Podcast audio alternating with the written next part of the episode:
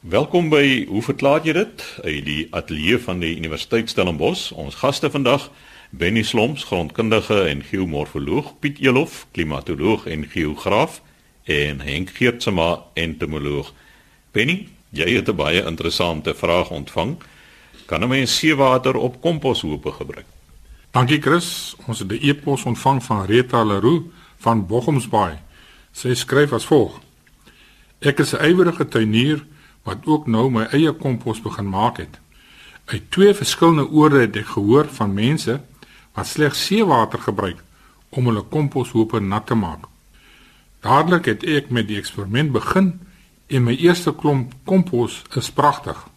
Ek weet nie of dit van die seewater of al die ander regte bestanddele is wat ek bygevoeg het nie. Tog is ek bekommerd oor die effek wat die sout mettertyd op my grond gaan hê.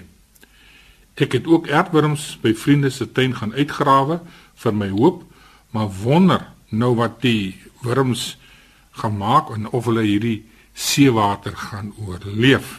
Sy sê sy kry nêrens inligting op die internet nie en gaan nou eers wag met die seewater totdat ek die span se opinie gehoor het. Nou Rita, hier's 'n klomp stellings gemaak hier waarop ek graag sal wil antwoord. Die eerste stelling wat ek wil maak is dat in al my jare as grondkundige is dit die eerste keer dat ek hoor van seewater wat gebruik word by die maak van kompos. Ongelukkig noem jy nie die twee bronne van wie jy hierdie raad ontvang het nie.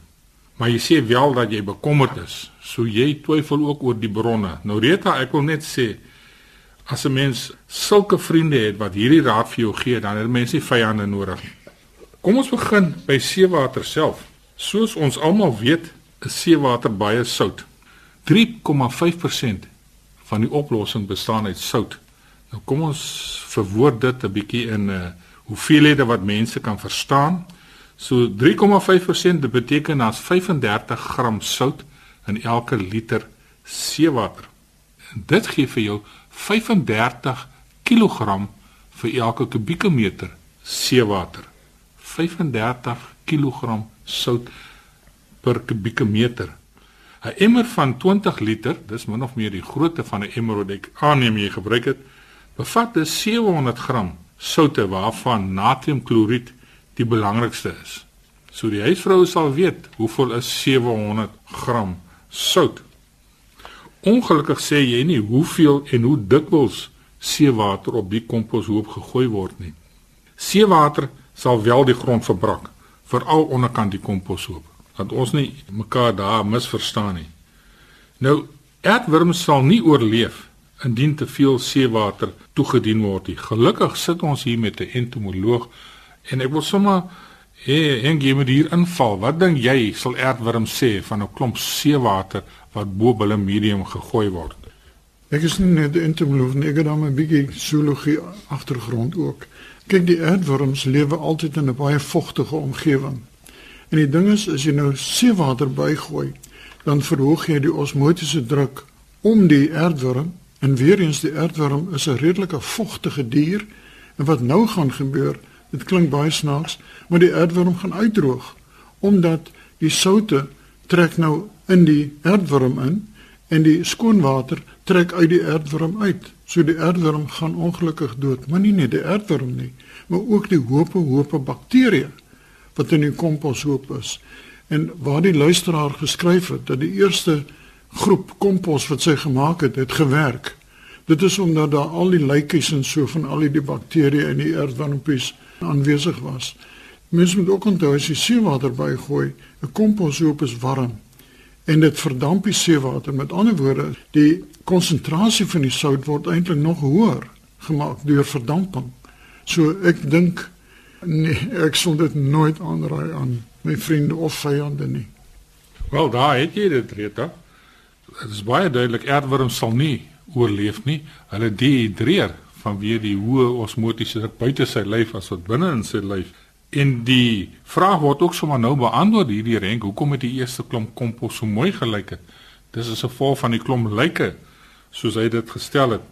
Ek kan nie glo dat 'n mens hierdie waagstuk sou aanvang nie om seewater te gebruik. Jy mens gooi mos nie soveel water op jou komposhoop nie. So my raad is bly weg van seewater want dit gaan definitief 'n nadelige uitwerking op jou grond hê. Jy gaan jou grond verbrak en dit beperk wat jy daar met sukses kan verbou. Het sy kruie of blomme of wat jy ook al vorentoe in jou tuin wil staan maak. So ja, in kort, ek sal die twee bronne van wie jy hierdie raad gekry het, ek sal nie meer vir hulle gaan kuier nie. Dis nie goeie raad wat hulle vir jou gegee het nie. Nou ja, dit was dan Benny Sloms, ons geomorfoloog en grondkundige. En Henk, jy het vrae ontvang oor vliee en muskiete. 'n Interessante brief van Elise Verwoerd van ons tuisdorp Stellenbosch. En sy sê hier is nou waarskynlik 'n baie onnoosele navraag. Nou Elise in die eerste plek, geen vraag is onnoosel of dom nie. Dis net deel van die soeke na die waarheid. Nou sy sê vliee en muskiete vir die mens net 'n irriterende en selfs onaangename werklikheid. Wat is hulle doel werklik? Vliee het nog 'n verskoning omdat hulle die gemors van die mensdom moet help opruim, maar muskiete dubbel uitroepteken. Hulle help net hulle self en veroorsaak in die proses ook nog dodelike siektes. Ek het al gewonder of muskiete nie dalk die gevolg van 'n fout in die lang evolusieproses was nie want hulle dien eintlik geen sigbare doel nie of is ek nou heeltemal verkeerd? Dis is 'n groet aan die program. Nou Elise ek het so 'n bietjie geglimlag nommer 1 want ek is die advokaat vir insekte op aarde nie so seer vir die mensdom self nie kom ons begin nou vliee en muskiete mag nou wel vir die mense onaangename werklikheid en las wees maar hulle het net soos enige ander vorm van lewe ook reg op 'n plekjie onder die son.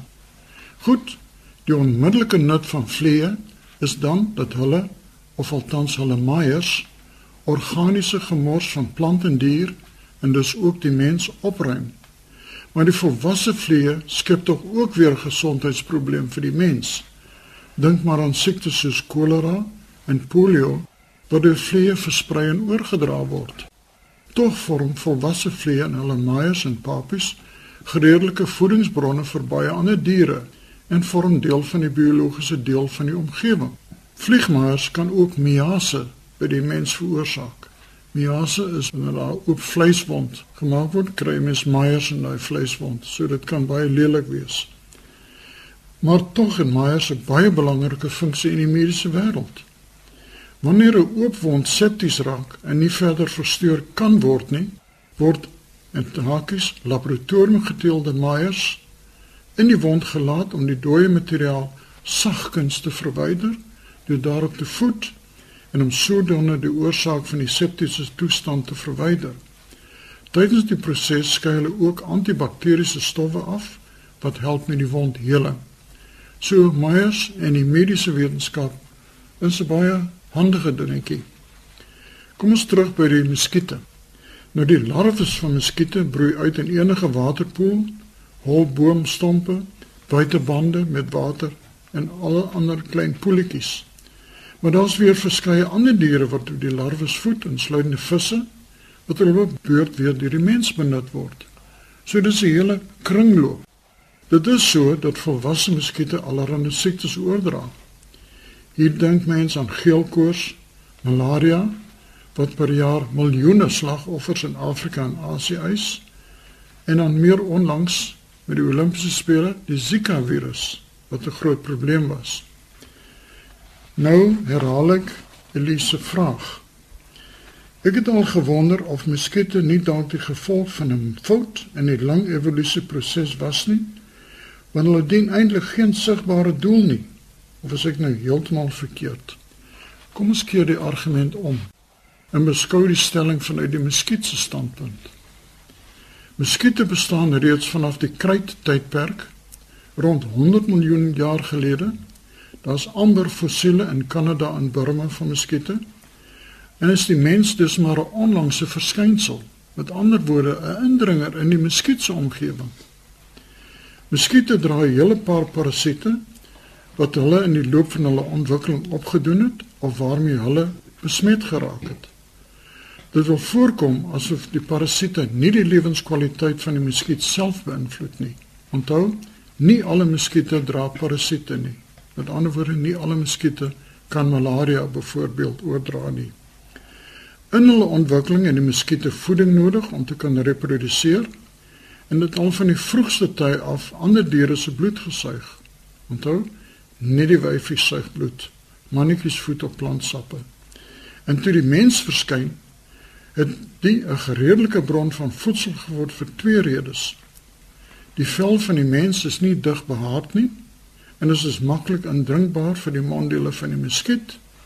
En tweedens, die mens met sy sosiale lewenstyl sorg dat mense in groepe woon. Dit is dus vir die muskiet soos manne uit die hemel en dra by tot hulle sukses. Wanneer die mens se plaaslike digtheid of getalle te hoog word, word siekteoordrag deur muskiete uitermate bevorder en dra dan by tot hoë sterfgevalle van die mens. So Elise, dit is so dat mens muskiete wil wegwens, maar dit so beskik dat hulle ook 'n funksie in omgewing het. Baie dankie vir die geleentheid om 'n bietjie filosofies oor die vraag te kon argumenteer. So sê Henk Geertsma, ons entomoloog, volgende aan die beurt Piet Elof. Nou Piet, jy wil 'n willeperd opsaal in die wildbedryf want dit is nogal iets wat 'n mens in elke tydskrif oor jag, wild, landbou, wat ook al omtrent raak lees en dit is kleurvariante by wild. Kus as geograaf voel ek dat ek meer as net oogklappe moet dra vir die weer en wolke en reën en ek hou daarvan om die natuur rondom my ook waar te neem nou Een van die onderwerpe wat in die jongste tyd baie in die nuus in in tydskrifte verskyn is kleurvariante van wild. Nou ek beskou myself nie as 'n deskundige daar rondom nie, maar wat ek waarneem, sal ek net graag 'n paar opmerkings wil maak daaroor. En die eerste wat by my opkom is in die omgewings waar ek nou al die sneller getrek het soos wat jy ook lief is om te doen is in die Karoo kry jy wat ons noem die gewone kleurspringbokke. Baie praat ook van die commons. Dan wit springbokke wat nie noodwendig albinos is nie. Horings is swart die oë is nie pink nie. Terwyl daar in verdere dele van die Oos-Kaap wel van hierdie wit springbokke voorkom waarvan die horing nie pikswart is nie. En dan natuurlik jou koperbokke. So dis vier kleure maar in die jongste tyd in die tydskrifte wat ek elke maand deurwerk is tussen 5 of 6 van hulle sien jy ander kleurvariëteite skielik is daar koffiebokke waarvan die bruin kleur bietjie donkerder is veral daar in Peeston omgewing En dan in die laaste tyd sien ek ook 'n marula bok. Nou wat my aanbetref, die marula bok is 'n wit springbok wat so 'n bietjie 'n bruin streepie nog het wat sigbaar is. Skielik is dit 'n marula bok. Nou waar ek gewoonlik my vakansie deurbring in die winter, is daai bokke gewoon uitgeskiet sodat jy gewone suiwer wit bokke kry. En onlangs het ek gesien in 'n tydskrif is daar 'n ek weet nie wat jy dit moet noem. Die helfte van die bok is chocolate bruin en die ander helfte is spierwit hoë. So hierdie kleur ek wil dit amper noem mutasies. Ek het 'n bietjie met uh, professor Terry Ronson gesels oor oor hierdie kleurvariëteite. Want wat my ook geïnteresseer het is dat ek praat nou van kleurvariëteite in springbokke spesifiek. Ons weet wat rooi bokke aanbetref impalas kry jy swart bokke en in die laaste tyd sien ek jy kry ook wat hulle noem 'n uh, eh, white flanked impala. Dis wat my aanbetref kleurvariasie daai en ek het professor Terry Ronson gesels daaroor en op die ou end kom dit daarop neer dat wanneer jy hierdie kleurvariante kry, die enigste manier wat jy hulle gaan kan laat voortplant is jy moet hulle afskei van ander bokke. Maar nou is dit lynteeling wat my aanbetref. Mense betaal groot pryse daarvoor. In die laaste tyd wys die marktendense vir jou dat daai pryse wat normaalweg betaal is vir daai bokke is besig om skielik te daal want op die ou end is die ruggraat van die jagbedryf is die sogenaamde biltongjagters. Manne gaan nie 5, 600, 700 of 1000 rand betaal vir 'n bok as hy 600 of 500 kan betaal vir 'n gewone springbok nie. Nou moet ek vir jou by sê die neiging wat ek nou waarneem in die jongste klompie tydskrifte is dat mense wat jou gewone normale as ek dit so in aanhalingstekens kan sit springbokke teel dan is daar onlangs 'n gewone noem dit common as jy wil springbok ram op 'n veiling verkoop vir 1,55 miljoen rand. En ek meen dit was op skrif dit is in die koerante gewees. Met ander woorde as jy kwaliteit teel dan is dit reg jou probleem is net wanneer jy hierdie kleurvariante kry, wie is jou mark daarvoor? As daai pryse so hoog is, is dit net jou oorseese jagters.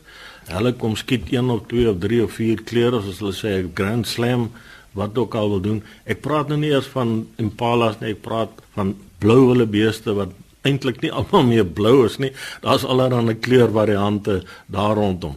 So die hele wildbedryf in daai opsig is vir my 'n bietjie riskant, maar solank as wat 'n ou na is groot sakemanne in ons land wat vir 'n buffel bull 40 miljoen rand betaal het, en kort daarna was daar 'n advertensie of 'n berig wat daar 168 miljoen rand betaal is vir een buffelbull. Nou die mense maak seker hulle sommetjies in terme van wat hulle op die ou end gaan kry as die buffel nou teel met binne maar 'n klompie koeie dat hulle uiteindelik hulle hulle geld sal terugkry. Dis nie wat vir my belangrik is. Die belangrike ding is vir my dat wanneer hulle hierdie genetiese materiaal terugbring in 'n omgewing en moet nou nie fout maak nie in die privaat besit is daar meer wild nou in Suid-Afrika as wat in al die nasionale parke beskikbaar is. So die kleurvariante help in 'n sekere sin,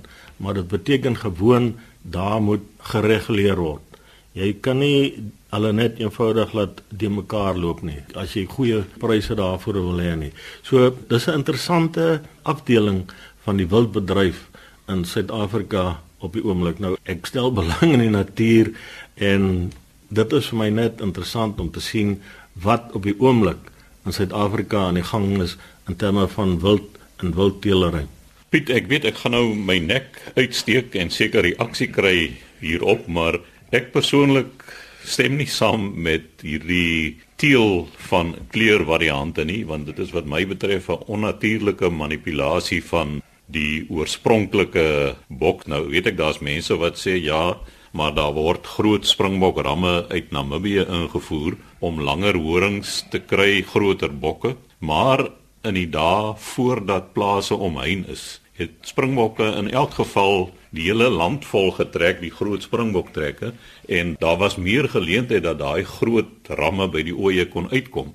So dit was 'n natuurlike proses om groter ramme by die ooi want dit is tog die sterkste ram wat die reg kry om met die oeye te paar. Dit is nee, jy is heeltemal reg. Daar's 'n uh, hele klomp boeke beskikbaar om al hierdie springboktrekke en dit is ongelooflik dat as jy nou gaan lees oor daai goed hoe dat hierdie troppe springbokke dat hulle eenvoudig op grond van die reën wat hulle geruik het of wat ook al getrek het dis letterlik duisende van hulle dat hulle deur dorpe gegaan het. Daar's dokumentasie wat ouens op hulle stoep gesit het en dan nou gesit te springbokke skiet het soos wat die springbokke deur die dorp gegaan het skilpaaie is verpletter is getrap Hase is eenvoudig is net die wolle wat oorgebly het so daai klomp hoewe daardeur is. So dis 'n baie interessante onderwerp daai waaroor ou kan baie gesels oor daai springbok trekke. Maar dit het ongelukkig verander in die sin dat daar nou heininge gespan is. So iemand wat nou werklik belangstel is ongelooflik interessant hoe daai klomp trekbokke en hoeveel duisende van hulle deur die omgewing wat die veldwagters het as dit ware met hulle ore op die grond sê maar luister hier kom nou moeilikheid. Hulle hoor hierdie dreuning soos wat daai duisende bokke op pad is. En dan het hulle geskuif na hoër liggende gebiede toe net om hulle uit die pad uit te hou van daai trekbokke. So sê Piet Elof, ons klimatoloog en geograaf. Laaste aan die woord is Henk Geertsma, entomoloog, en jy gesels nou oor die identifikasie van insekte. Ja, Chris, ek het hierso 'n uh, briefie van Sandra Botus. Sy stuur dan ook 'n paar foto's saam.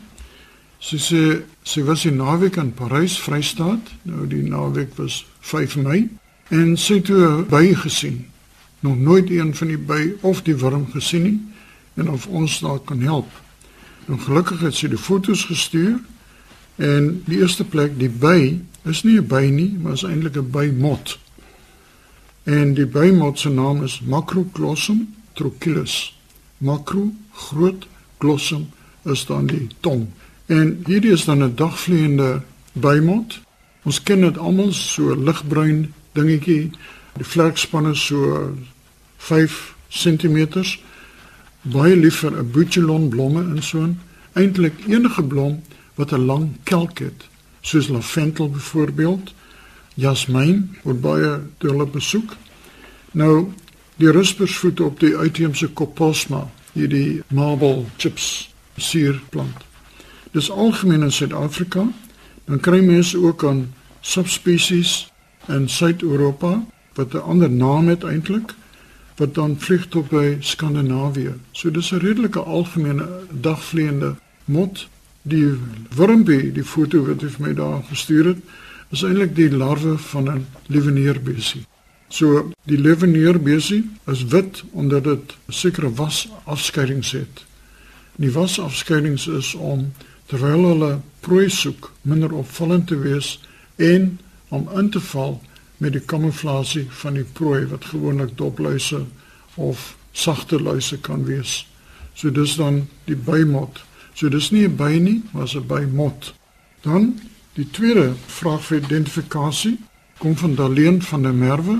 Sy sê twee foto's van 'n snaakse rooi insek wat ons aangetref het op bome en houtmeubels. Nou, wat 'n insek is dit? Hoe kan ons dit behandel? Want ons verskriklik baie van hulle.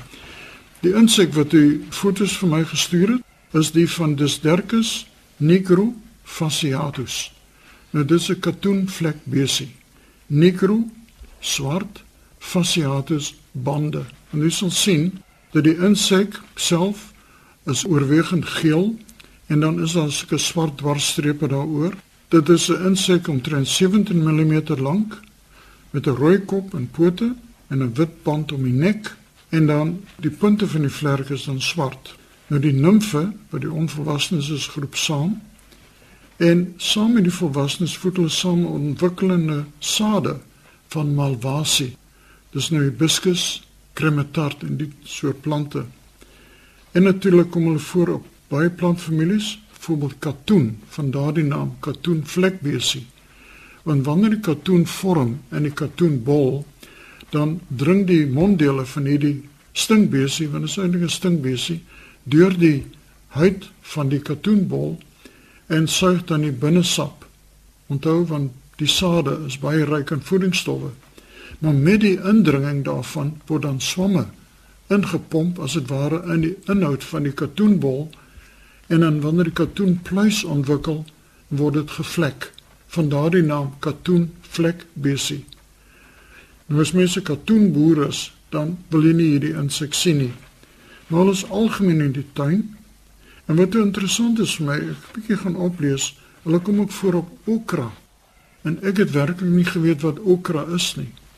Okra is skynbaar 'n plant uit Wes-Afrika of Suidoos-Asië wat skynbaar baie voedsaam is en hierdie gesondheidsfanatici is nou skynbaar mal oor hierdie ding want bevat allerlei antioksidante en vitamiene en dit lyk vir my dis amper die ideale voedsel. En dit word gebruik selfs teen kanker. Natuurlik, mense moet baie versigtig wees vir die gebruik van plante. Want ek het nou net op die televisie 'n baie interessante program gehad oor geneesmiddels en byvoedingsmiddels. Dat mense moenie altyd sluk wat die industrie vir jou sê nie. Sluk hierdie pakkie vitamiene en so, dit is goed vir jou. Dis dalk nie so goed vir jou nie, maar dit kan jou dalk ook nie kwaad doen nie. So Hier is dan net 'n katoenvlek besie, dis 'n algemene insek. Jy sal ook sien As hulle paar, dan loop hulle rug rug aan mekaar vir lang tye, maar veral op hibiscus, soos die Chinese lantern byvoorbeeld, kom hulle algemeen voor in tuine, kom voor dwars deur Suid-Afrika. So dis nie 'n unieke insek nie, maar vir my weer 'n interessante insek. So sê Henk Geertsma, ons entomoloog, die tyd het ons alweer ingehaal. Skryf gerus aan, hoe verklaar jy dit? Posbus 2551 Kaapstad 8000 of stuur 'n e-pos aan chris@rsg.co.za.